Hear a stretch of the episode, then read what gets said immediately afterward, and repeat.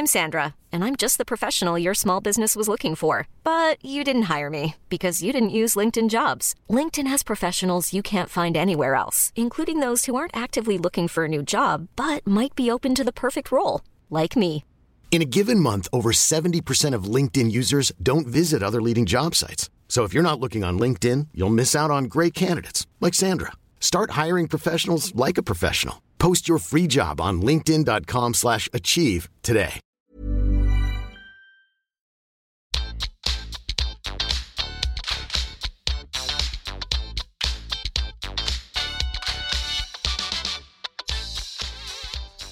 Alle sammen, og velkommen tilbake til podkasten Karriereveiledning med Elaine. Her tar vi altså ikke sommerferie, og det som er så innmari spennende med den episoden her, er at jeg har fått med meg en gjest. Og gjesten er ingen ringere enn Børge Fagerli. I 1997 så var Børge overbevist om at han skulle bli bilmekaniker. Men så var det en lærer på skolen som sa at vet du hva, er det én ting Børge burde gjøre, fordi han var såpass oppegående på dette området her, så var det rett og slett å bli ingeniør. Børge utdannet seg til ingeniør, top of his class, og jobbet som ingeniør. Men så skjedde det noe interessant, rett og slett et sånt form for karriereveiskille, som gjorde at karrieren til Børge tok en helt annen retning, som du bl.a. skal få høre mer om. Børge har alltid hatt eh, lidenskap og interesse for et spennende fagfelt dere også skal bli bedre kjent med, som gjorde at han faktisk startet noe som het My Revolution i 2006. Børge har en enormt interessant rett og slett karrierehistorikk. Men det som er interessant med Børge, som er logisk, eh, faglig oppdatert, opptatt av fakta og det som på en måte kan forklares vitenskapelig, som har på en måte vært hans ja, litt sånn måte å se verden på tidligere, har han nå de siste årene både tatt flere coaching, mentaltrener og lederutviklingskurs, og ikke minst tatt Soulspring Masterclass. Dette her er jo veldig, veldig spennende fordi hovedtemaet for episoden er karriere, karriereveiledning og spiritualitet. Og dette her kan jo virke litt off for noen. Hva har det med karriere å gjøre? Men jeg tenker at eh, er det én ting som er viktig, uansett om man ikke skjønner noe eller ikke liker det, eller, så er det rett og slett å lytte for å se om man kan få noen nye perspektiver. Så denne episoden er for deg uansett om du er opptatt av spiritualitet eller ikke, uansett hva du tenker om det eller ikke. Det er mange andre sinnssykt gode gullkorn her, for Børge er ekstremt klok. Um, Hvorfor jeg blir litt stille nå, er fordi jeg kjente at eh, denne episoden her ga meg virkelig en del ting å tenke på. Børge er ekte raus og ekstremt ærlig. Han setter ord på noe som jeg tror de fleste av oss kan kjenne oss igjen i. Og det koster litt å si. Så um, nyt denne episoden her. Ta fram penn og papir, ta noen notater. Her er det mye gullkorn knytta til uh, muligheten til å reflektere over egen karriere. God lytt, mine venner.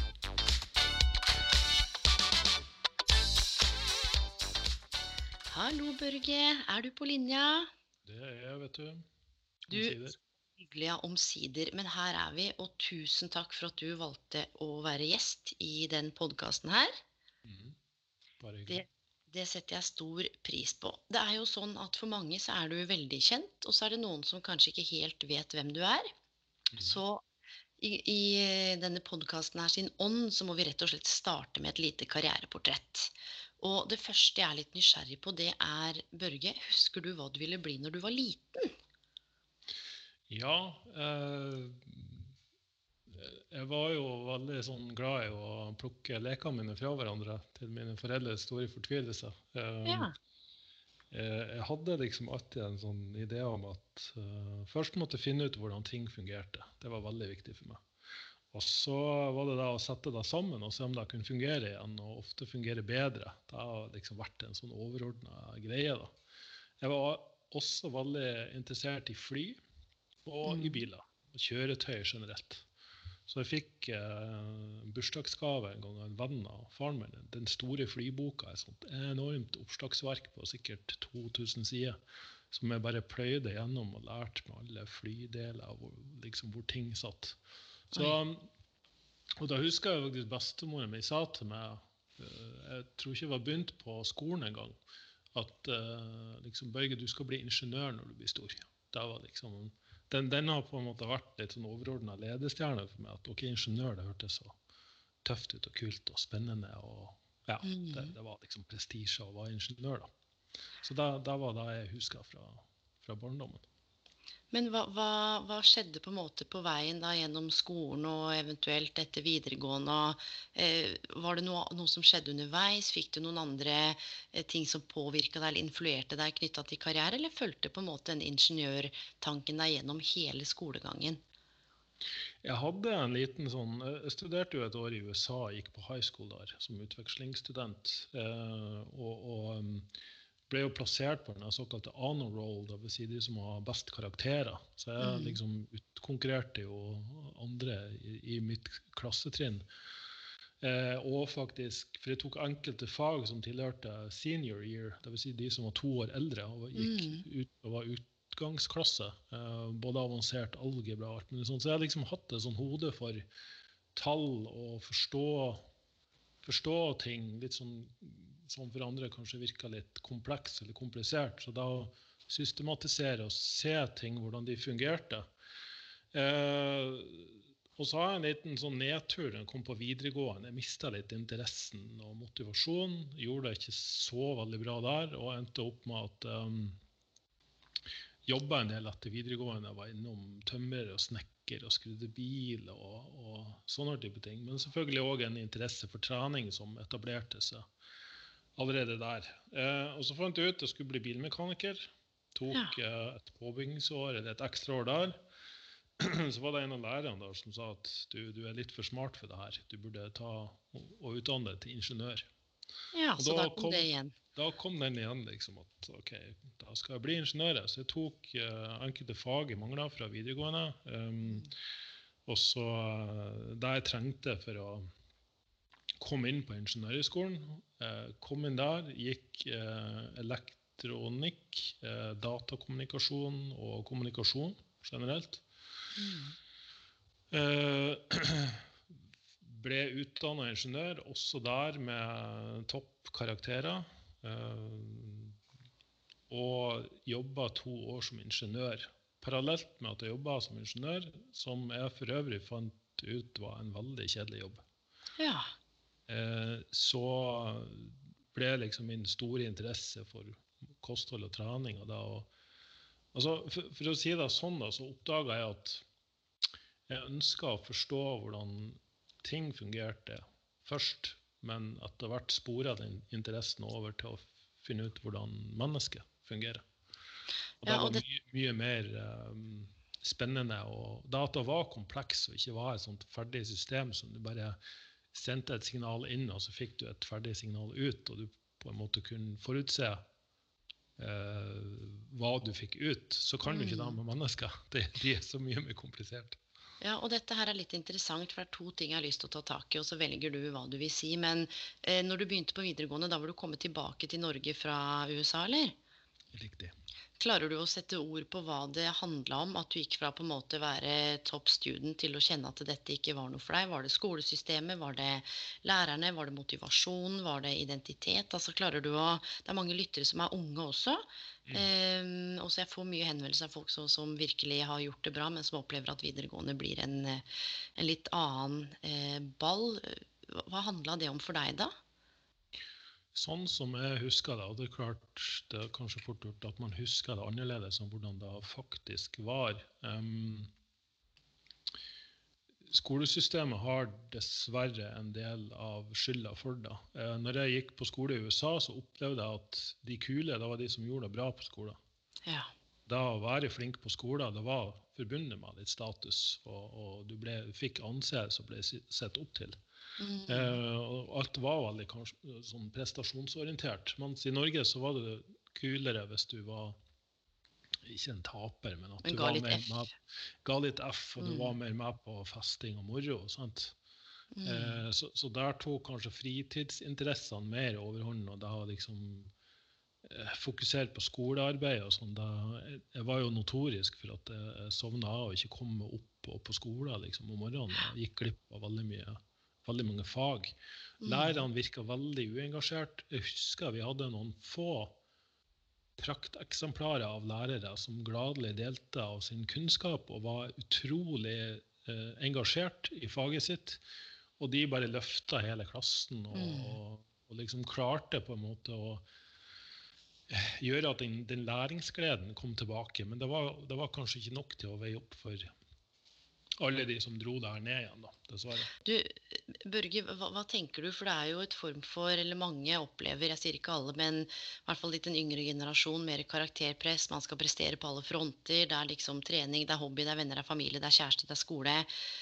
Hvilke refleksjoner gjør du da om det, kanskje kontra når du var uh, ung? da? Hva er, som, hva er forskjellen, liksom?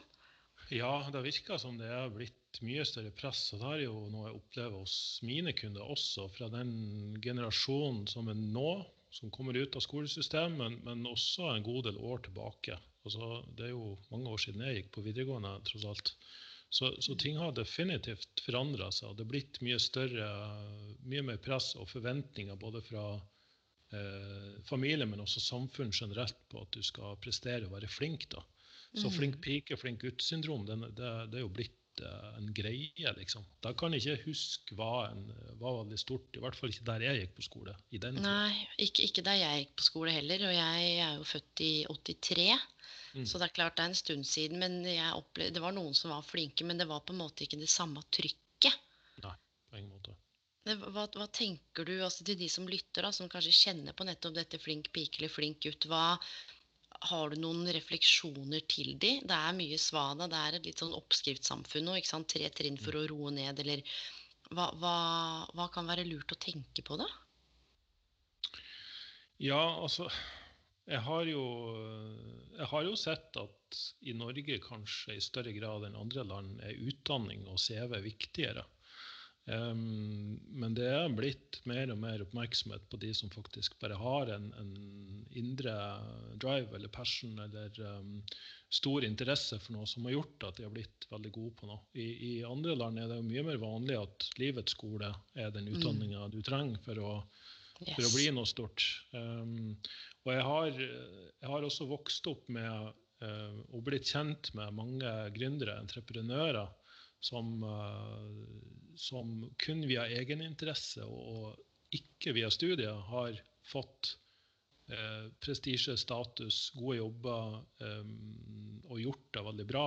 Så jeg har vært så heldig og hatt eh, inspiratorer, eller kan du si vært, vært, i miljøer der jeg ser at suksess er mulig å oppnå uten at du nødvendigvis har den formelle utdanninga på plass.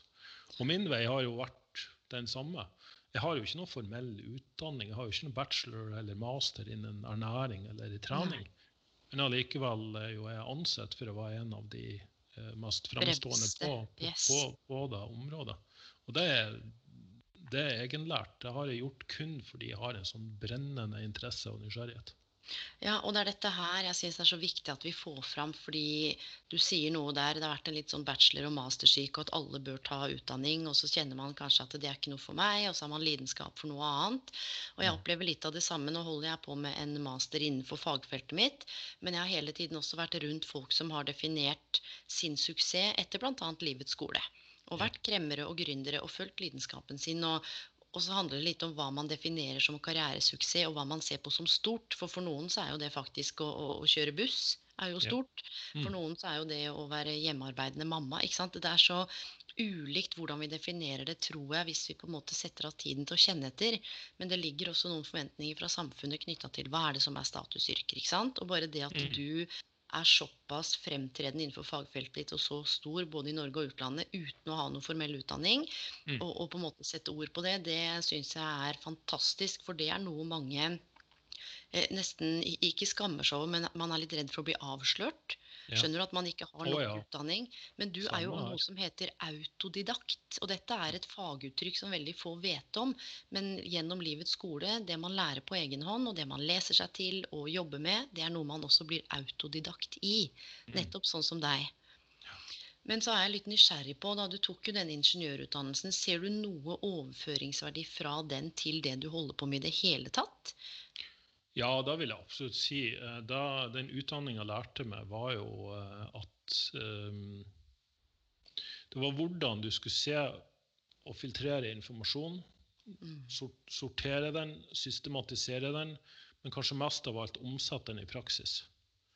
For da er det en ingeniør gjør. Den tar det teoretisk og overfører det til noe praktisk. Ingeniører bygger, bygger praktiske ting som, som, vi kan bruke, som, vi kan, altså, som har en overføringsverdi. De sitter ikke bare og studerer matematiske ligninger og, og, og studier og forskning. Mm. Og hvorfor jeg syns dette her er viktig, er fordi det er mange som også tar kontakt, som føler at de har valgt feil utdannelse, eller som har starta på noe eller slutta, eller føler når de ser på karrierehistorikken sin at det å jobbe på Kiwi, eller det å ha jobbet med renhold, eller det å på en måte jobbet som selger eller gjort noe annet, det har vært bortkasta. For Mm, nå skal de bytte retning.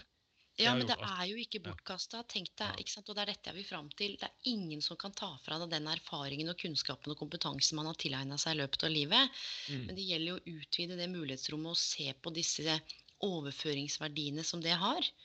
Man vil jo alltid kunne finne noe som kan være overførbart på en eller annen måte, sånn som du beskrev nå da med den ingeniørutdannelsen. Mm.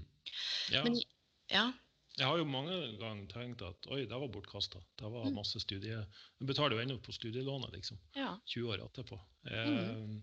men, men jeg har etter hvert innsett at den var allikevel veldig viktig å ha i, i bakgrunnen da, for en slags sånn ja, en sånn overordna strategi på Mm. hvordan, hvordan jeg systematiserer den informasjonen jeg tilegner meg. Og, og i dag mer enn noen gang har vi jo informasjon tilgjengelig ved fingertuppene. Yes. Og vi blir bombardert med informasjon fra alle kanter. Og det, det er veldig mange meninger og synsinger og påvirkningskrefter der ute, både på godt og vondt.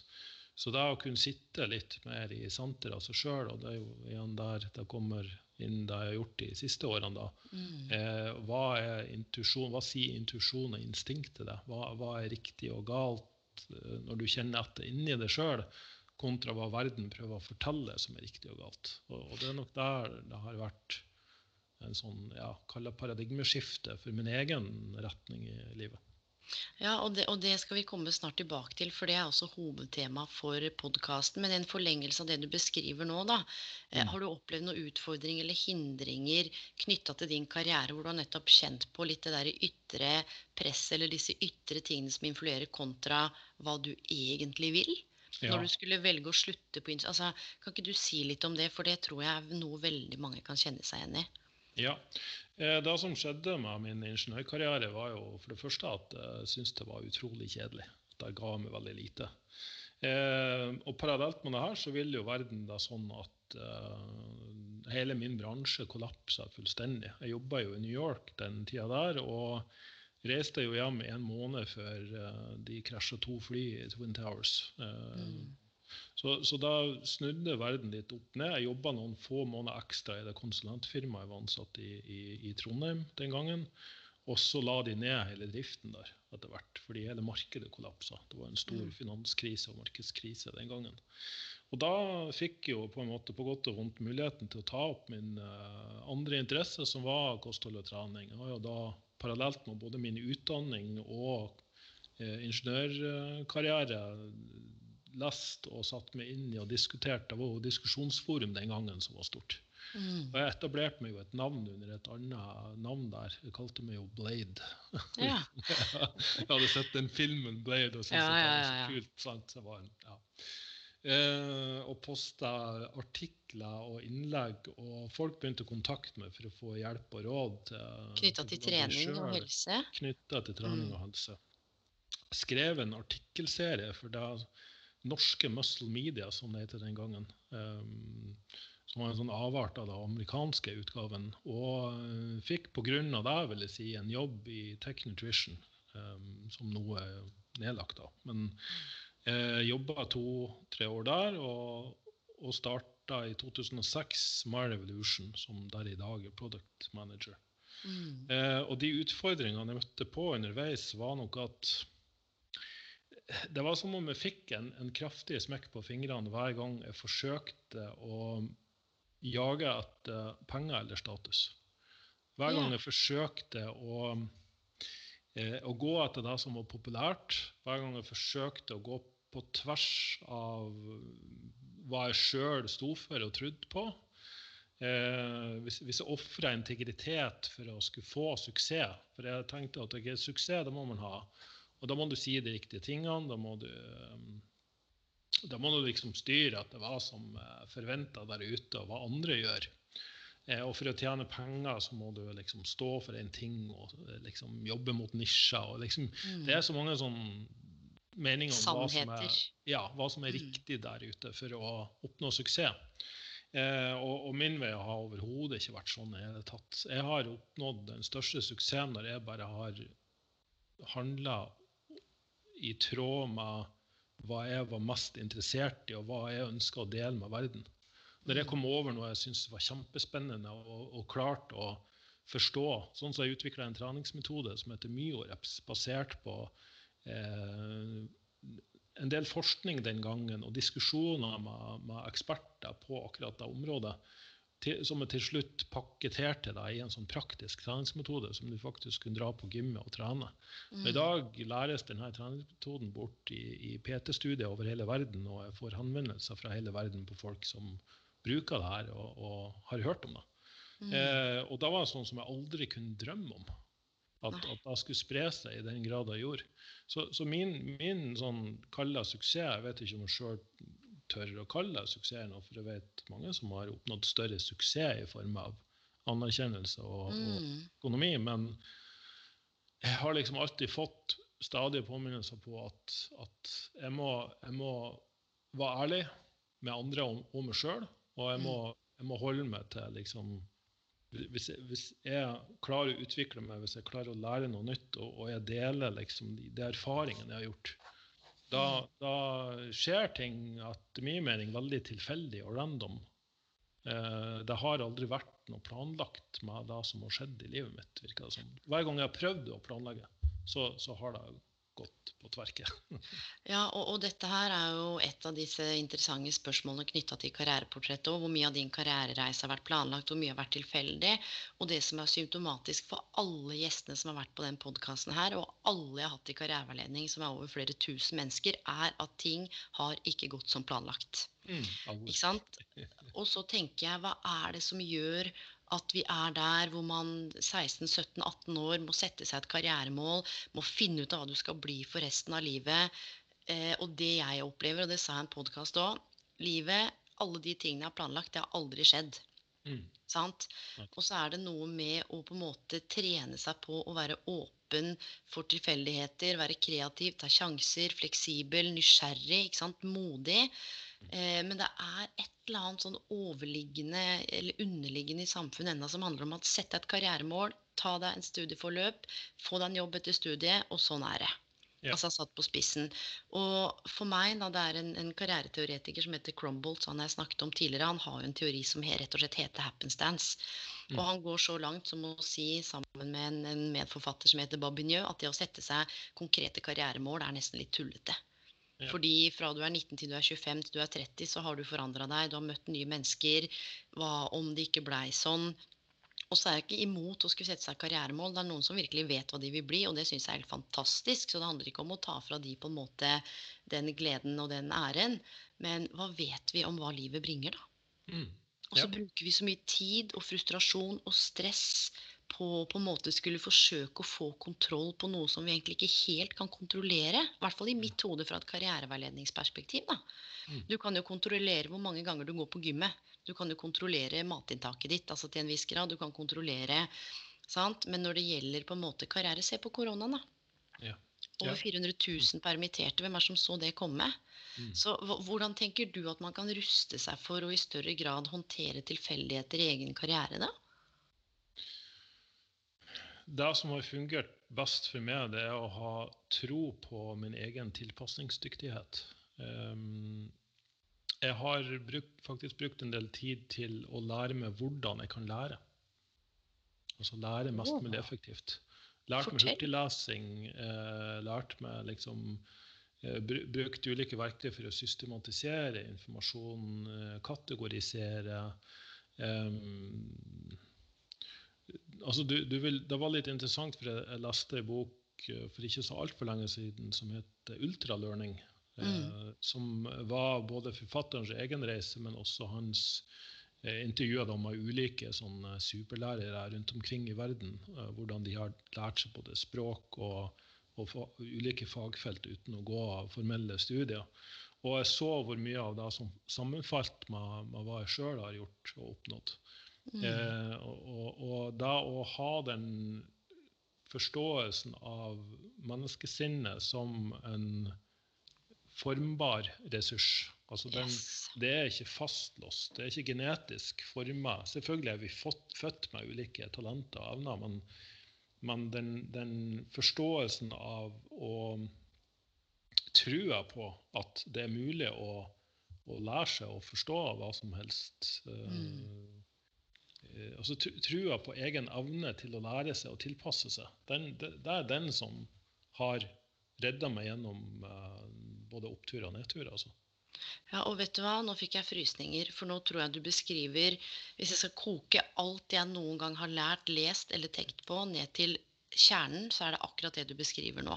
Mm. Evnen til å faktisk trene på og, og, tro på seg selv. Og dette er jo, korrelerer jo til Carol Dweck sin forskning, som har jobbet med dette låst og utviklende tankesett, som har sett på hjernens formbarhet, mm. eh, og hvordan vi har disse bærer med oss disse ulike tankesettene, hvor på en måte i det utviklingsorienterte eller det læringsorienterte tankesettet så er på en måte mantraen at det er evnene våre og, og innsatsen vår som er mm. avgjørende. Eh, mens på en måte i det fastlåste så er det jo jeg er god eller ikke. altså Enten så får jeg det til eller ikke, og sånn er det bare. Intelligensen min den er medfødt, punktum. ikke mm. sant? Hele familien min gikk på Nav, eller jeg er oppvokst blant det eller det, eller sånn er det bare. At man har med seg på en måte den nedarvede historikken, da, og så blir det ens egen narrativ. Men det å trene på altså mestringstro og så er det noe med det at man snakker ofte om at man må stole på seg selv. Og hva er det man sier når folk skal inn i et jobbintervju? Bare vær deg sjøl. Og du sa noe interessant, dette med å være ærlig om seg selv til andre. Mm. Men det krever jo først og fremst en enorm eh, jobb med å være personlig ærlig overfor seg selv. Mm. Og ja. der tror jeg litt av kjernen er. For fy fader og vanskelig det er, Børge, å se seg selv inn i øynene i speilet og av og mm. til bare møte demonene sine og, og liksom kle av seg selv lite grann. Ja. ja, og det har jeg jo brukt de siste 20 årene av livet mitt på man kan kalle det selvutvikling, men du kan også kalle det en sånn en total avkledningsprosess, der du bare må rote litt rundt og fjerne de, alle de skallene som er lagt på gjennom oppvekst og, og samfunn, og, og, komme helt inn til dypet og essensen. Og ikke bare da, men kunne klare å se seg sjøl i speilet og innse at du, du, er faktisk bra nok akkurat sånn som du er. Mm. Det kjennes nesten litt sårt å kunne sitte der og si det, fordi da har jeg ikke klart store deler av livet mitt. Jeg har plagde store deler av livet med dårlig sjøltillit. For meg handler det veldig mye om utseende. Jeg visste at hjernen min, den har jeg.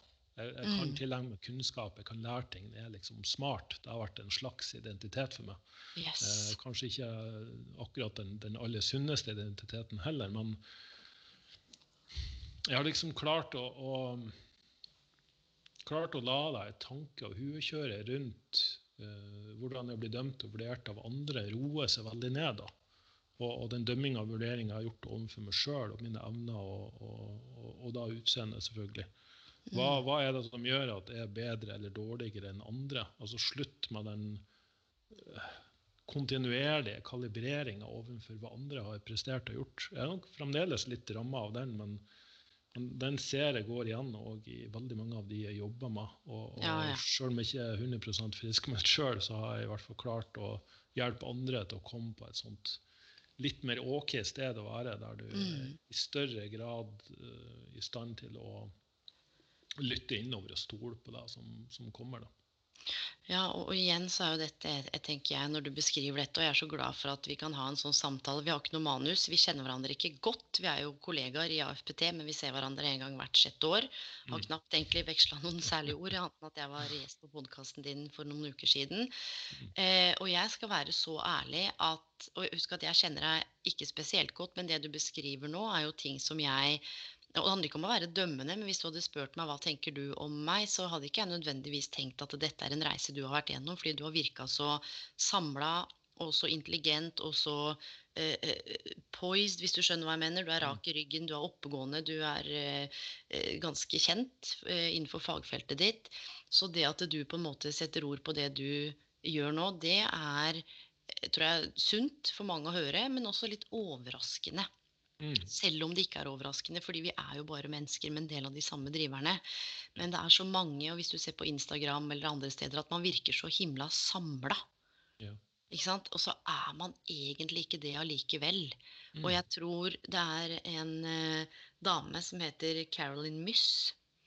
Hun uh, sier jo det at uh, We know when we betray ourselves. Vi vet når vi lyver til oss selv. altså Vi merker det i kroppen, i pusten. Og noen ganger så sier hun at det er greit å inngå kompromisser. Mm. Men så, får hun stille, så blir hun stilt et spørsmål. Ja, hva er forskjellen på på en måte betray yourself, eller å, å- gjør man ikke det uansett om man inngår kompromisser? Så sier hun når du, hun sier når du willingly compromise, når du gjør det willingly og kjenner at ok, dette her kan jeg gjøre fordi sånn og sånn så er det ikke å betray yourself. Men det er de gangene du går på kompromiss, men når du ikke vil.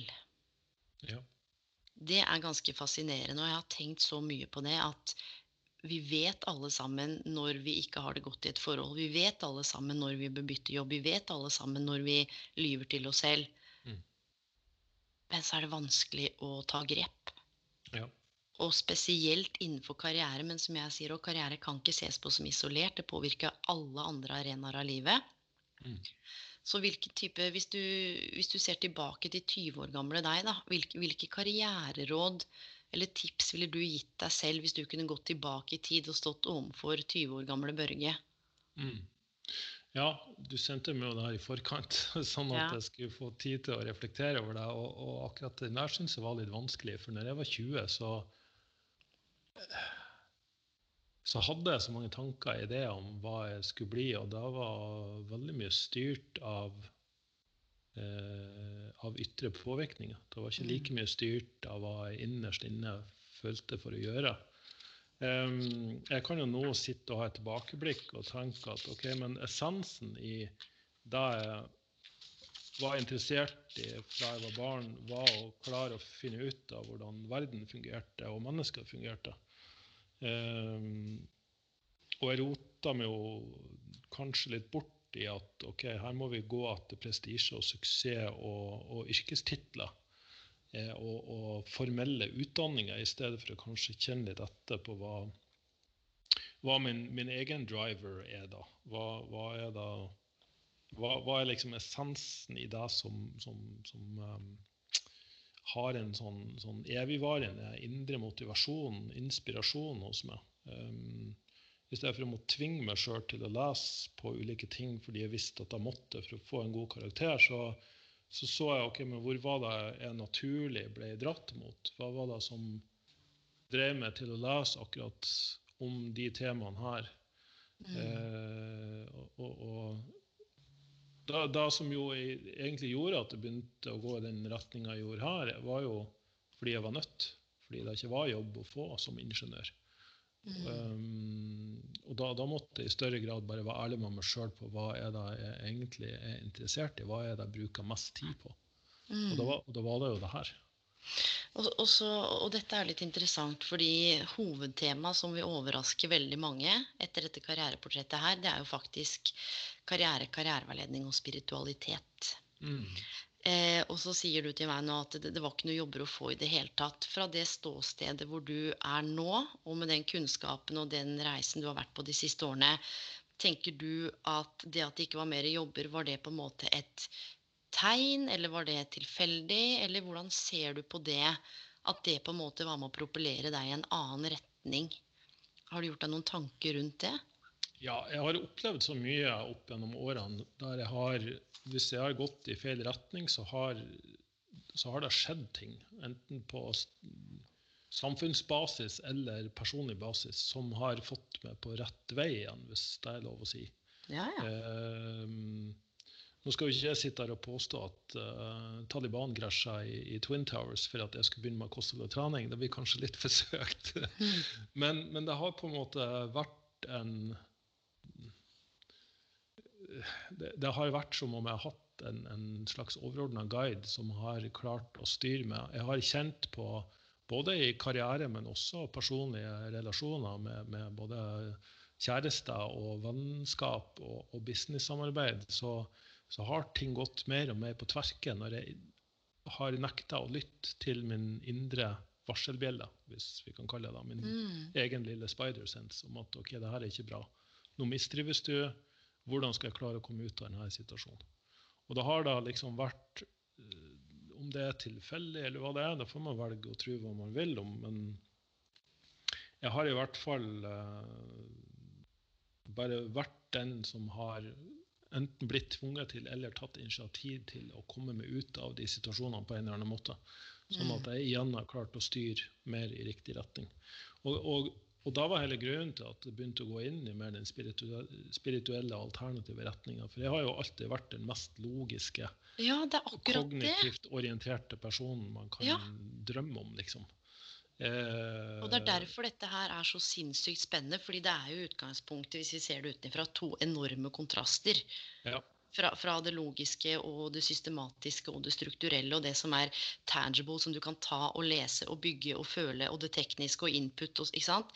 Mm. til noe som for veldig mange er out there, eh, som er alternativt, som er untangible, noe vi ikke Mm. kanskje kan se, eller eh, Hvordan skjedde på en måte den transformasjonen, da, hvis jeg kan spørre om det? Det skjedde nok underveis i min jobb med um, Både fordi det har, det har skjedd så mye tilfeldigheter som jeg ikke kunne finne noe logisk forklaring på. Eh, at det begynte å lete andre steder. Men også der jeg har hatt kunder og jobba med mennesker, eller bare hatt venner eller, eller samarbeidspartnere der jeg har fått en følelse av noe. Som ikke kun, Du kan ikke si at det har med kroppsspråk å gjøre, for ofte er det bare fordi folk har sendt meg en mail. Mm. Jeg har, jeg har kalt det å lese mellom linjene. Jeg har kalt det å, å ikke sant, Intuisjon og instinkt det er det de fleste av oss eh, kaller det. Mm. Eh, det er en sånn Omtrent bare tanker har ramla i huet på meg. Jeg har gått sånn pinpoint og sagt du, kan det stemme at faren din bla, bla, bla. Og da hadde det aldri vært snakk om familie. Kan det, kan det stemme at du har en bror som et eller annet?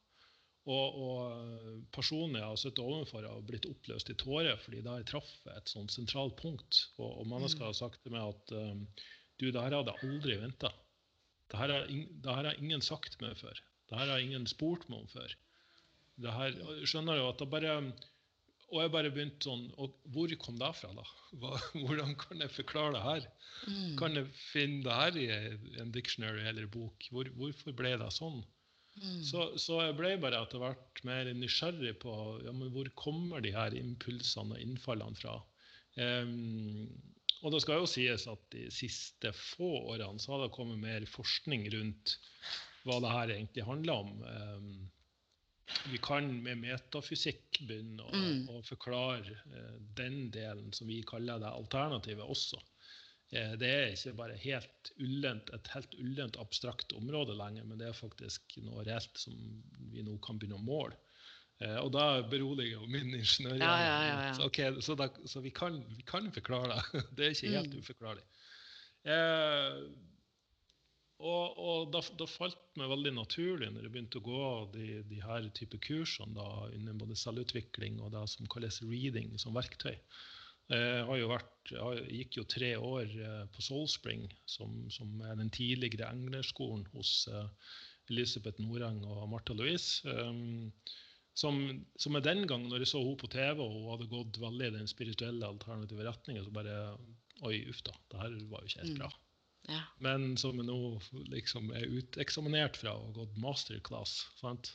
Den Mm. høyeste utdanninga de har. Um, og det falt meg veldig naturlig. og det var nest, Jeg skal ikke si at det var for enkelt, for det var det på ingen måte. fordi du, Der måtte du i hvert fall strippe alle dine egne indre demoner liksom, for, for å få uh, fullstendig nøytralitet når du satt Mm. og skulle hjelpe andre. Mm. Jeg vil jo si at eneste måten du kan hjelpe andre på, det er å ha rydda så mye som mulig i din egen bakgård. Sånn at ikke du overfører din, og projiserer din egen dritt over på de, den personen du ser foran deg. Og det, det der må jeg bare si er så sentralt, både fordi jeg og du jobber med mennesker. Jeg har også rekruttert enormt mange coacher og veiledere. Og det var liksom alltid nysgjerrig på hvor er det de eh, ville jobbe fra. Forstår du hva jeg mener? Er det fra nøytralitet og kjærlighet og overskudd og til et ønske om å hjelpe? Eller er det fra et behov for å være viktig, ikke sant? Vi har jo noen drivere eh, på, på å være viktig eller bli signifikante gjennom å hjelpe andre. Er det fordi man har så mye ting sjøl, så gjennom å hjelpe andre så føles det godt, for da slipper man å ta stilling til sitt eget. Altså, og dette har jeg tenkt mye på og brukt mange år på å reflektere rundt og jobbe med. Hvor, hvor er det jeg jobber fra? Hvordan er det jeg møter i? Hvordan eh, er jeg nøytral? Hva overføres? Hva projiseres? Hvor opptatt er jeg meg sjøl? Dette med å kunne legge bort ego. Og, og, det du liksom beskriver nå når vi snakker om intuisjon Nå har jo du barn, og jeg har jo en sønn som blir 17 måneder om ikke så lenge. Mm. Og noe av det jeg elsker med å være mamma, selv om det er ufattelig krevende også, det mm. er å se på og Jeg, er over snittet opptatt av språk, utvikling, kroppsspråk, læring. altså Mange av de tingene som vet du er opptatt av. Det er å følge med på den intuitive delen av sønnen min. Ja. Hvordan han tolker og følger med og fanger opp på, på sånn helt annet nivå som vi voksne på en måte har bare gjemt bort fordi vi har hørt så mye nei og hysj og det er ikke lov og fysj, mm. fysj og ikke lek med sånn og ikke gjør det og det er forbudt. Altså, skjønner du? Ja, nå fikk jeg gåsehud. ja, men det er forska på, nå husker jeg ikke hvor jeg leste, men at barn hadde hørt nei x antall ganger innen de var så og så mange år, og at 80% av den egentlige kreativiteten den er bare drept. Mm. Og så, hva skjer da? Konformitet. Og det var gjort et studie av noen som heter Æsj med flere, dette var vel på 70- eller 80-tallet, hvor du skulle gå inn i et rom, og da var du én enkeltstående individ, men der satt det leger, advokater og de som på en måte hadde høy status. Så skulle du svare sist da, i det rommet her, og da skulle du svare om linje A, B eller C var lengst. Og det var helt tydelig at det var linje C. Mm. Men eh, det var vel sånn at over 89% av alle som kom inn der, svarte linje B, for det svarte alle de andre, eller linje A. Enda mm. øyet ser Idet du kommer inn helt intuitivt og rett og slett fordi det er målbart og logisk, så ser du at det er den linja som er lengst. Men det var altså knappe 10% som turte å svare det eller stå opp for det fordi man var så redd for å. Ja. Og det snakkes det også litt for lite om, spør du meg, knytta til karriereveiledning. Både dette med spiritualitet, men det er sjelden også man tar opp dette med konformitet. Mm. Fordi alle går til høyre, så får vel jeg gjøre det òg, fordi det er det som er lurt. Ja. Og, og det å tåle å hente fram intuisjonen sin, og sånn som du beskriver, da.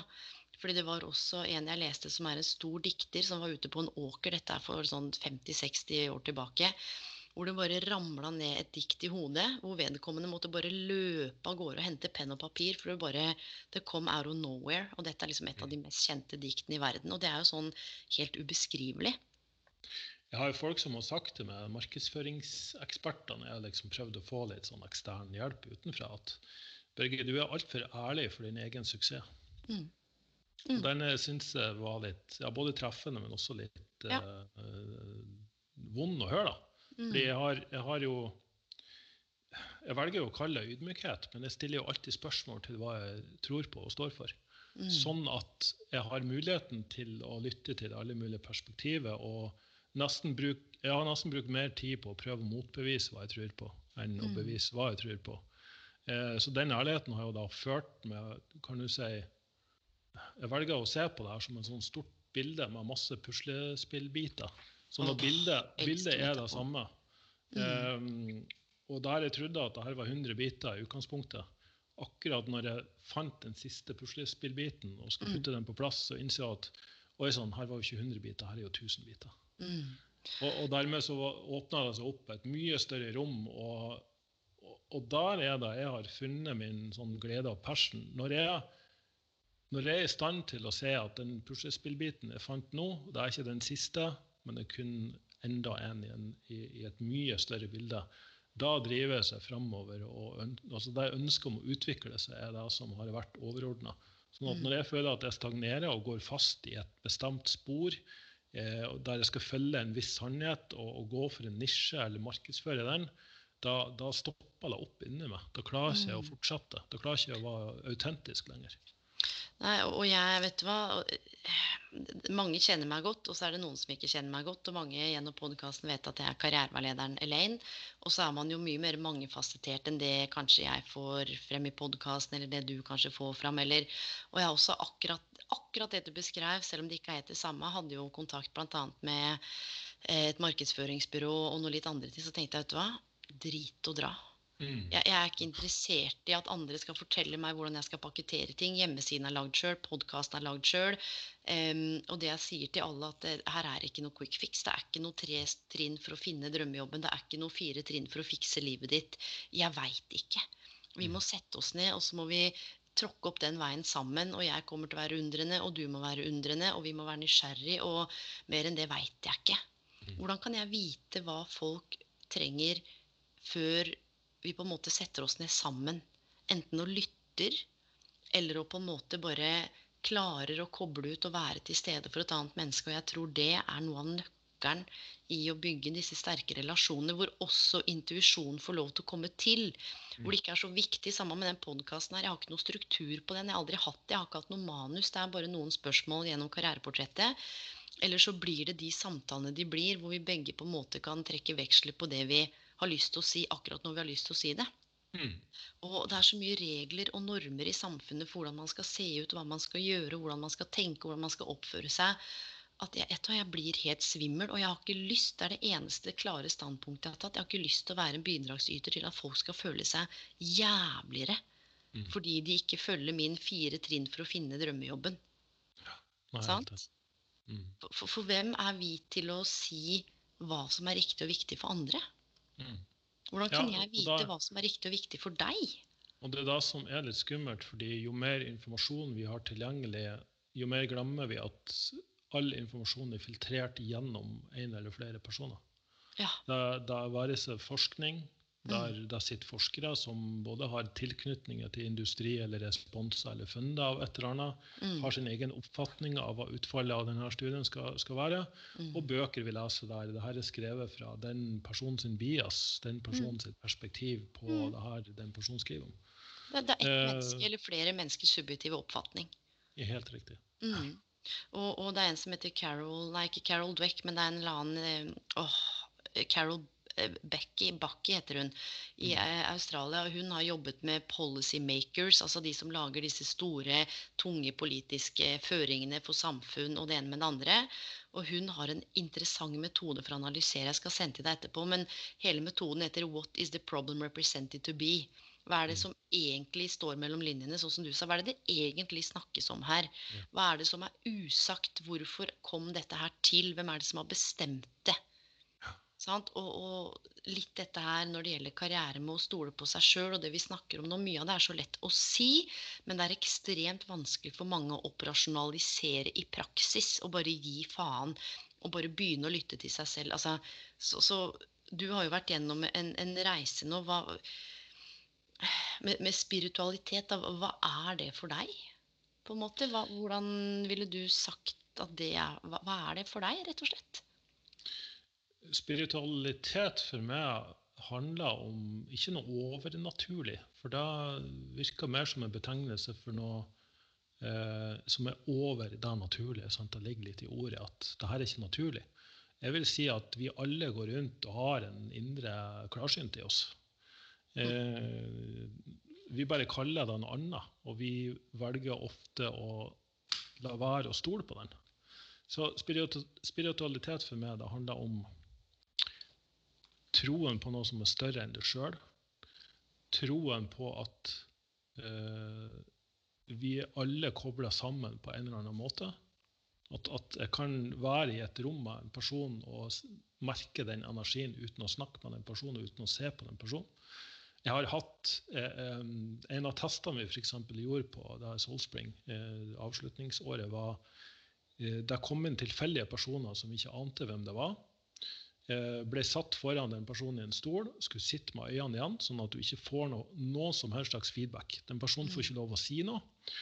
Og jeg satt i 45 minutter og fortalte om denne mannen da, som det var. Eh, hva han jobber med.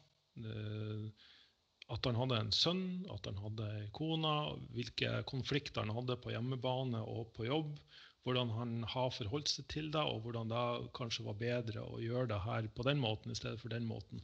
Etter 45 minutter åpna øynene, og bare en mann som satt der og sa du, når jeg kom hit, var jeg veldig skeptisk til det her og trodde ikke noe på det i hele tatt.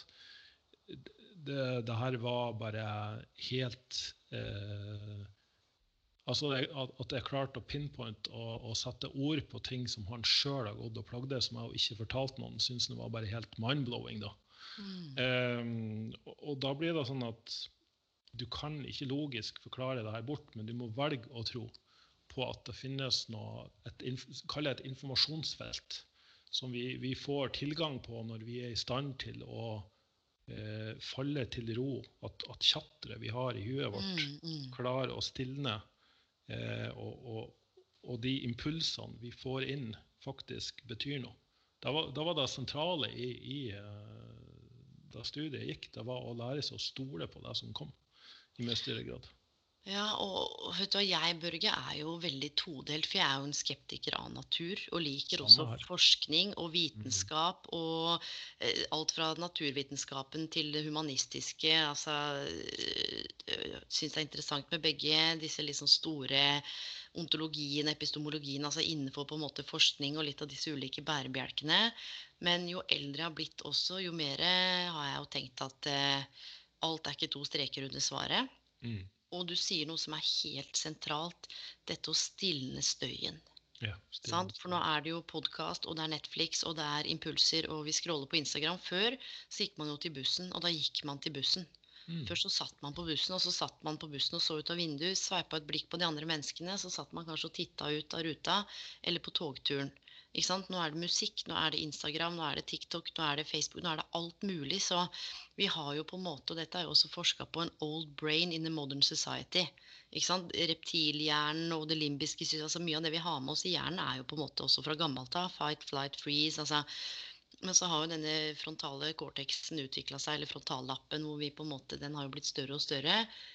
Men hjernen er egentlig ikke helt i stand til å ta inn all den sinnssyke informasjonen som kommer. Mm. Så det ene er jo at det er subjektive meninger som, og, og, samfunnsmeninger om hva du skal velge, hva du skal gjøre, hvordan du skal se ut og riktig kjole. Men så handler det også om, som du vet, hvordan vi selv filtrerer den informasjonen gjennom vårt sanseapparat. da. Mm. Så det er jo på en måte den ytre verden og den indre verden. Og så skal man på en måte få dette her til å kneppe på plass, kombinert med å stole på seg selv, være tro mot seg selv, alle disse tingene som man ofte leser om. Mm. Men det er jaggu allikevel ikke lett i praksis å stilne den støyen. Og jeg har jobba med det i over elleve år, ja. og, og, og, jobber fortsatt med det. Så, så, hvordan er det man kan stilne den støyen, eller bare hvis de som lytter nå skal forsøke å ta et eller annet skritt i en eller annen retning for å roe ned den der indre dialogen og det kontinuerlige eh, apekatten oppi hodet, hva gjør man, Børge? For å få litt ja, klarhet. Det spørsmålet har jeg stilt meg sjøl mange ganger også. Eh, mm. Fordi jeg er på ingen måte den, den uh, guruen på akkurat det. Jeg kan sjøl sitte og scrolle veldig mye og, og være på sosiale medier. Eh, og merker veldig fort, får en veldig rask feedback på at det her er ikke spesielt bra. Um, hvordan, du, hvordan merker du det, da? Jeg blir mye mer urolig, mye mer grublende. Jeg blir sliten av mine egne tanker, rett og slett. Og, mm. og jeg har òg eh, et barn som er veldig flink til å gi meg en feedback på at 'pappa, nå er ikke du helt i senter'. Da blir han veldig urolig. Mm. Og, og, og, veldig sånn søkende og skal ta meg bort og 'kom, pappa, kom', pappa, kom'. Mm. Um, og la, la, det være sagt at jeg er ikke den heller som sitter og, og bare i lotusstilling og mediterer med røkelsespinner og, og, og tilbyr liksom timer i, i klarsynthet, så sitter og har sånn psychic readings. Jeg har integrert alt. Så jeg jobber, jeg satt opp matplaner og treningsprogrammer. Snakker med mennesker og, og prøver å få ut en sånn essens og hjelpe dem til å finne essensen i seg sjøl. Jeg vil si at en eller annen form for meditasjonspraksis eh, er veldig fornuftig. Ja. Fordi meditasjon i alle ulike former det trenger ikke å ha noe å si hvilken type du velger heller. Fordi det sentrale i meditasjon er å lære seg å enten skanne sin egen kropp, eh, kjenne på pust, gjenta et mantra, eh, bare la fokuset flyte ut, og, og, lære seg til å la tanker komme og gå og posere. Mm. For enkelte vil det nok innebære at du må ta en såkalt digital detox. Du om du må installere apper som tvinger deg til å holde unna de, både mail og sosiale medier, så gjør det. Sett av de timene på dagen for mm. å få den roen og den stillheten. Så vil jeg også si at vi er nok skapt til å være mye mer ute i naturen enn det vi er i dag. Så, Mm. så, og da er det gjort god forskning som viser at å være ute i skogen, ute i marka, ute på fjellet, ved sjø, hav, vann, hva, enn som får det til å føle denne stillheten, der det indre tjatteret stilner av. Gå en tur i skog og mark er liksom en sånn standardanbefaling, men den skal ikke undervurderes. Fordi det er en unik ting som skjer når vi er ute i, i naturen.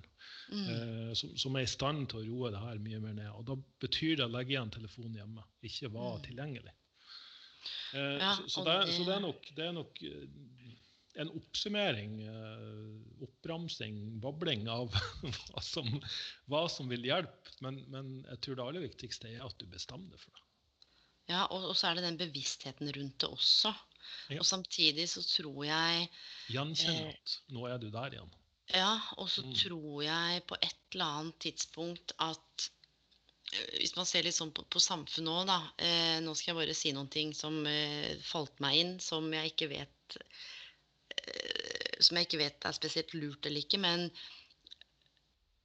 å gå i et jobbintervju og si at man er spirituell Mm, i nei, hodet det- mitt. Det, det, det klinger ikke. Det er ikke det at en rød penn kommer fram, men jeg ser for meg at mange ville tenke sånn Ja, Mm. OK. Um, jeg, jeg, jeg tror at mange ville Rekruttelle arbeidsgivere ville stussa litt. Ja, Så vi er liksom ikke der enda i, i samfunnstrenden hvor det på en måte kanskje er det første du skal dra fram når du får spørsmålet 'fortell om deg selv'. Nei da. Ehm, På ingen måte. Men det som er litt interessant her jeg vil nok si at vi, er det sånn, i, da? I Norge tror jeg vi er litt lengre framme enn ellers. Og jeg har jo sjøl vært hos Lilly Bendriss, og jeg vil nok si at hun har en del av æren for det. Ja. Åndenes makt har gått i veldig mange år, og selvfølgelig Ja. for mange var det her veldig snålt. Og så var det det her mor, uoppklarte mord et eller annet, en Ja. serie rundt da. mm, Og så er det Lunsj med Lilly som nå ennå går, eh, der hun har inne ulike kjendiser som kommer inn. Og du vil bli overraska over hvor mange der ute som, som du anser for å være enten en topplogger eller en rallyfører, eller hva en som faktisk er overraskende spirituell, som har opplevd noe i sitt Mm. liv som de ikke kan forklare. Noen nære som har gått bort. Eh, følt en sterk connection eller kontakt med, med andre mennesker som er også helt uforklarlig. Fått innfall og intuisjoner der de har tatt valg motsatt av det man skulle tro at de skulle velge, og så har det vist seg å være riktig. Eh, så vi har liksom alle vil jeg tro, eksempler på at vi har, vi har handla i tråd med noe som kanskje ikke nødvendigvis kan logisk forklares med, med data, harde data. mm, Eh, men, men samfunnet er jo fremdeles veldig styrt av ja, indoktrinering, mønster, mm. forventninger. Enig. Ja, til, til, at, til at vi tør å stå fram og være åpne og ærlige om det. Faktisk, jeg vil bare nevne det veldig kort. Det var jeg som var på det kurset. Eh, og hun klarte ikke å si 'jeg er spirituell'. Det var et av hennes tema gjennom det kurset. Det å si 'jeg er spirituell' satt langt inne. Det var kun siste én til to månedene av, av den masterclass der hun satte seg ned, brøt ut i, i tårer og sa 'jeg er spirituell'. Og det føles så godt å si det. Og, og det er litt sånn beskrivende, syns jeg, av hva, hva samfunn og, og, og, og våre omgivelser har, har gjort med oss. da. Ja, for det fins jo visse land og visse kulturer hvor dette her er mye mer fremtredende. Mm. Skjønner du? Altså, hvor, hvor kanskje kombinasjonen av vitenskap og fakta og logikk i større grad kombineres med dette her. Og jeg tenker hvorfor det er et viktig tema òg. Det er jo som jeg sa, jeg tror det er, en, det er to karriereteoretikere som har skrevet en bok som adresserer dette her i det hele tatt. Ellers så er det ingen litteratur om det. For det er, det ikke så lett å forske på heller. Nei, Ah, det Ikke sant? Eh, En ting, er å. Ja, en ting er å forske på at eh, den er gul fordi du blander sånn og sånn, eller det skjer fordi, og så har man masse forskning og data og kvantitativ og kvalitativ. Men, men dette her er veldig ubegripelig og uhåndterlig for mange. Mm. Og så tenker jo jeg også, hvis jeg som i utgangspunktet tidligere har vært en pragmatiker og en logiker, eh, samtidig som jeg på en måte har hatt med meg litt av det andre òg, hadde møtt noen som hadde begynt å snakke om dette her, Mm. så er jeg usikker på hva jeg hadde tenkt. Absolutt. Eh, og jeg tenker med mindre på en måte mine kunder tar det opp, så kan jeg være med på den reisen. Eh, men det er ikke noe hvor jeg tenker sånn du, Nå skal du høre her grunnen til at det har gått gærent. vet Du du er ikke spirituell nok. Mm. Ikke sant? Du sitter ikke i lotus, og du tror ikke på at altså, jeg har, Og det har jeg aldri noen gang gjort. Av og til så har jeg spurt om folk tror på Gud. altså for Jeg har fått en hunch, eller jeg har spurt om de tror på Allah eller Jehova. Eller eh, vi har kommet inn på det som en kanskje viktig del av karriere. Sant? Mm. For religion og karriere for noen er viktig. Religion og kultur eh, og karriere. Eh, men med hånda på hjertet, det bare slo meg nå at det, det er aldri noe jeg på en måte har eh, spurt om Vi har ikke kjent at det har kommet til meg at jeg skal spørre om det før det på en måte har kommet opp naturlig. Nettopp. Nei, men det gjelder meg sjøl også. Det er ikke noe som Jeg har jo snakka en del om det i podkaster, og, og folk har sikkert sittet rundt og humra litt. Oi, nå har det tørna for Børge, liksom.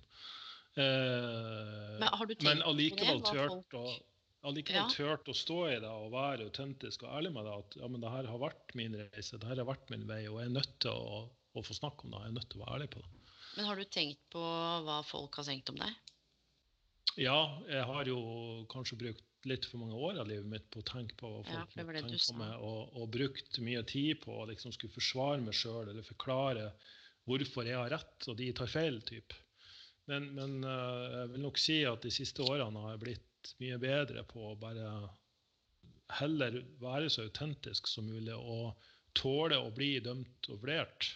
For de har jo fått bevis på at til syvende og sist så, så vil du tiltrekke deg de beste menneskene og energiene, hvis vi tør å, å skli litt over i den retninga, ved å Mhm. være så autentisk og ærlig som mulig.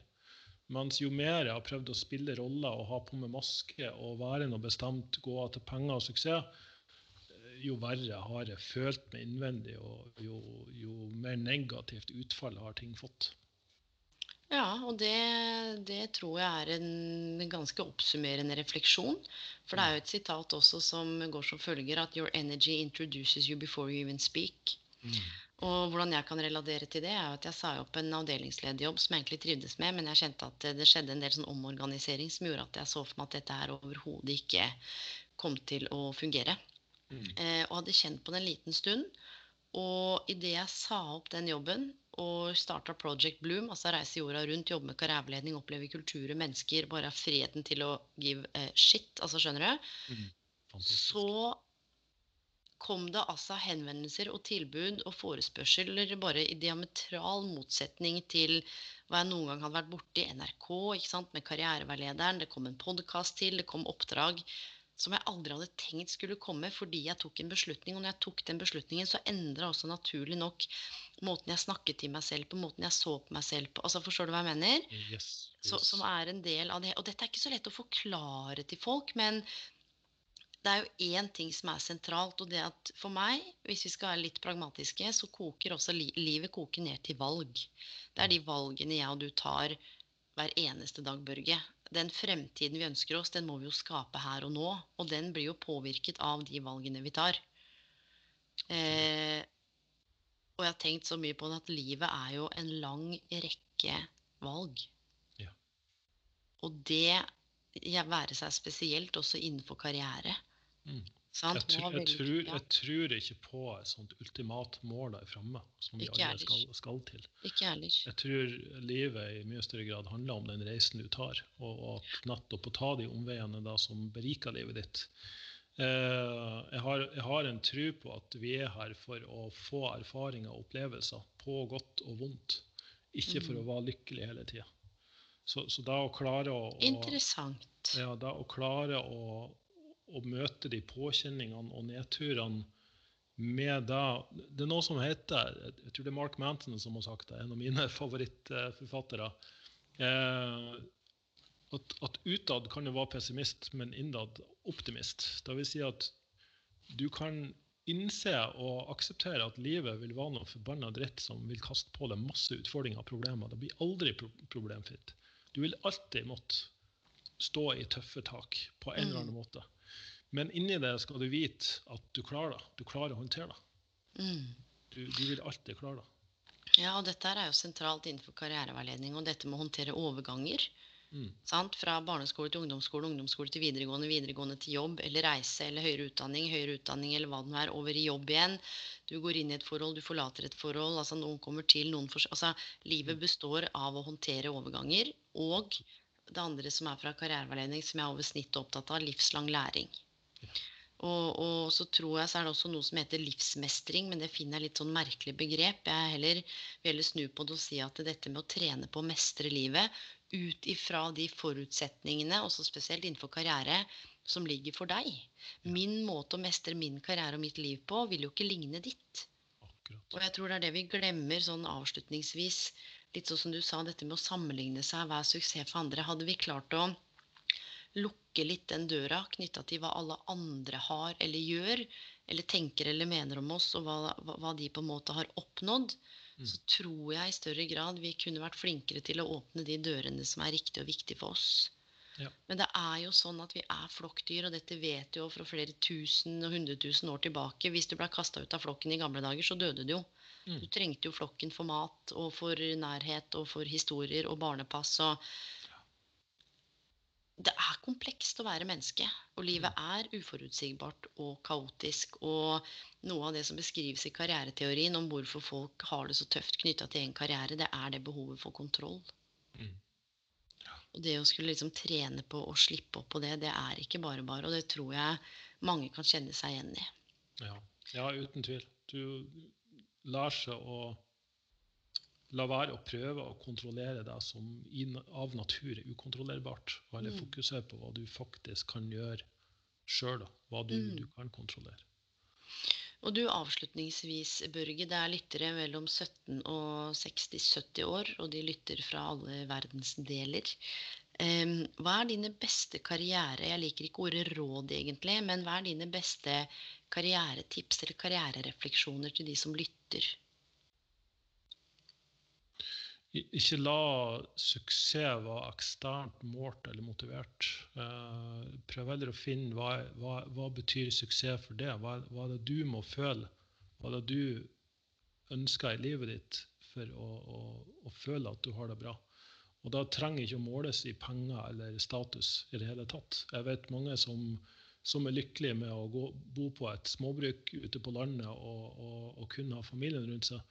Og jeg vet mennesker som òg er lykkelige av å, å jobbe på Barcode og være en av topp tre aksjemeglere i verden. Mm.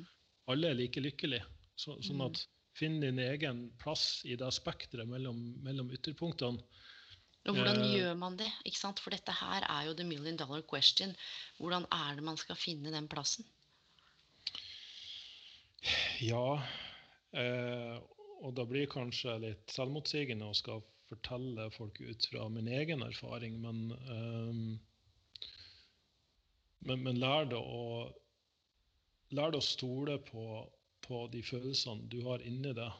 Eh, tren det opp til å eh, ignorere eller ikke la det påvirke i så stor grad av hva alle andre måtte mene.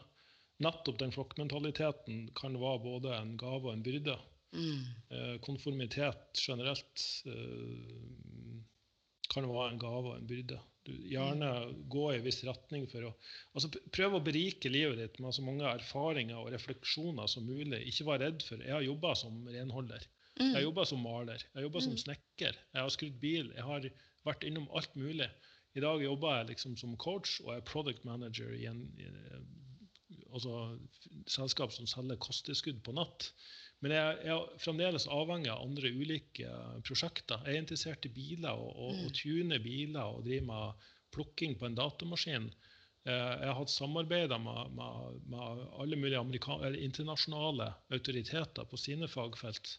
Um, prøv, prøv, som sagt, til, til og med folk som jeg i dag er helt uenig med. Mm. Uh, men, men ikke la det være en sånn Her er et kart. Her er den kursen du må følge. Våg å styre litt utafor kursen og, og, og erfare, oppleve. Eh, Mm. Våg å gjøre mange feil, rett og slett. Ja, og jeg, Eh, ja. Ja, og det er akkurat det du sier, for, for noe av det jeg opplever er utfordrende innenfor karriere, det er nettopp det å prøve. Ja. Prøve et studie, ikke sant. Fordi man tenker at nå må jeg gifte meg med studiet, eller gifte meg med utdanninga eller uh, yrket. Og jeg sier det, karriere er som et prosjekt. Karriere er et puslespill. Ulike brikker, ulike hjørner. Um, sånn som du sa, så den metaforen, den traff meg. Det, det, er nettopp noe med det å vite at vi veit ikke. Hvordan Mm. skal vi vite? Jo, vi må prøve det ut. Funker det ikke, så må vi i hvert fall sette oss ned og reflektere over hva er greia. Ja. Så, så dette med å prøve ut sammen med refleksjon Hvordan skal jeg vite om jeg hadde trivdes på advokatstudiet hvis jeg ikke hadde prøvd? Hvordan skal jeg vite om jeg hadde trivdes på masteren i karriereveiledning hvis jeg ikke Det er så mange som ikke tør å gå for det de vil, fordi noen sa at det ikke var lurt fordi det passa ikke for vedkommende. Som Mm. igjen kommer med, med sin subjektive erfaring. Det er ett menneske, det. Ja, Helt enig. Sant? Så Børge, dette her har vært uh, annerledes og Hva skal jeg si for noe? Det er en sånn ekstra dimensjon som ikke har vært med på podkasten før. Og jeg er veldig glad for at du har vært såpass ærlig. Mm. Jeg føler at vi har blitt godt uh, kjent med deg. Og jeg tror, selv om kanskje mange ikke setter ord på det kjempehøyt, at det er mange som kan relatere til eller kjenne seg igjen i det. Mm. Og jeg kjørte også en poll på Instagram nå. altså tenker, hva, hva tenker du? Står det har spiritualitet noe med karriere, karriereveiledning å gjøre? Så er interessert i å se på, på svarene. Ja. Er, eh, Ja, hvis, hvis det kan ha noe med mat og trening å gjøre, så har det noe med karriererådgivning å gjøre også. Det, ja, det ikke sant? Du, Mm. det skal jeg faktisk spørre deg om. Hvordan, du som driver med helse, kosthold, mat og trening, hvordan opplever du at det er relevant i forhold til karriere, f.eks.? Hva er dine refleksjoner der? Jeg vil si at det er høyest, eh, av høyeste viktighet å, å spise på en sånn måte at du har næring til både kropp og sinn og sjel. Mm. Og ha regelmessig aktivitet og trening. Ikke nødvendigvis stå og pumpe jern på et treningsstudio, men, men vi er skapt for å spise næringsrikt og bevege oss. Mm. Eh, og hvis ikke det er på plass, så vil du ikke være klartenkt nok, eller eh, i fysisk form for den saks skyld, til å, til å kunne ta de riktige retningene i, i livet ditt. Så, så det er absolutt eh, viktig. For dette her er interessant. For ofte når folk kommer til meg og tenker at det er noe issues med karriere, så ser vi jo litt på type som jeg snakket om før i podkasten, altså livshjulet. Hvordan Mm. er det med hobby, personlig utvikling, spiritualitet eventuelt? Eh, Mm. familie, nære venner, mental helse, fysisk helse, kosthold, trening. Og så begynner man å se at det er mye stress, lite søvn, dårlig kosthold, lite bevegelse, litt sånn tynnslitte nerver. Det gir overslag til eh, nære relasjoner, familie. Ikke tid til hobby, lite tid til utvikling. Sånn at alt henger sammen med alt.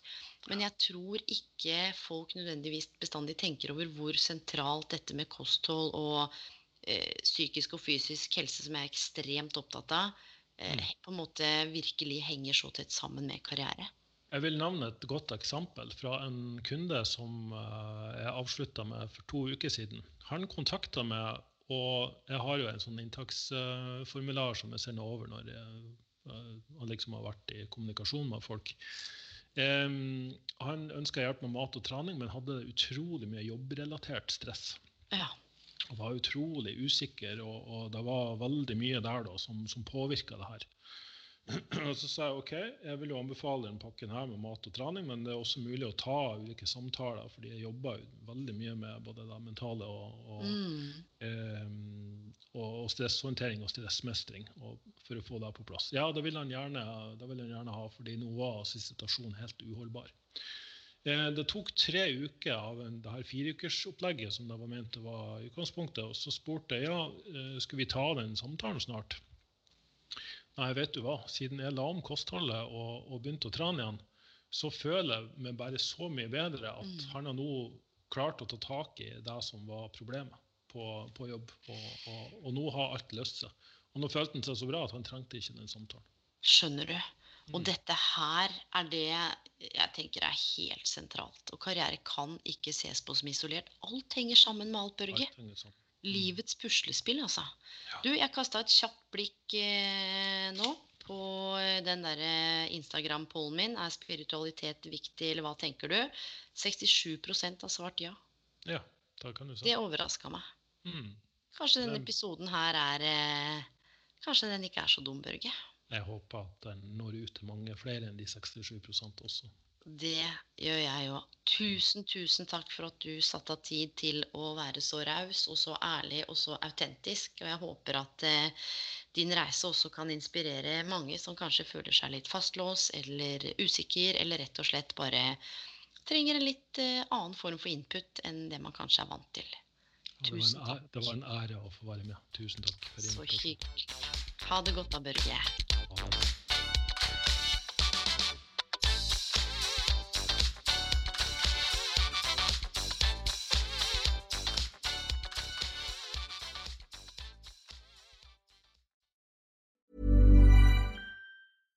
My business used to be weighed down by the complexities of in person payments. Then, Tap to Pay on iPhone and Stripe came along and changed everything. With Tap to Pay on iPhone and Stripe, I streamlined my payment process effortlessly. Now I can accept in person, contactless payments right from my iPhone. No extra hardware required.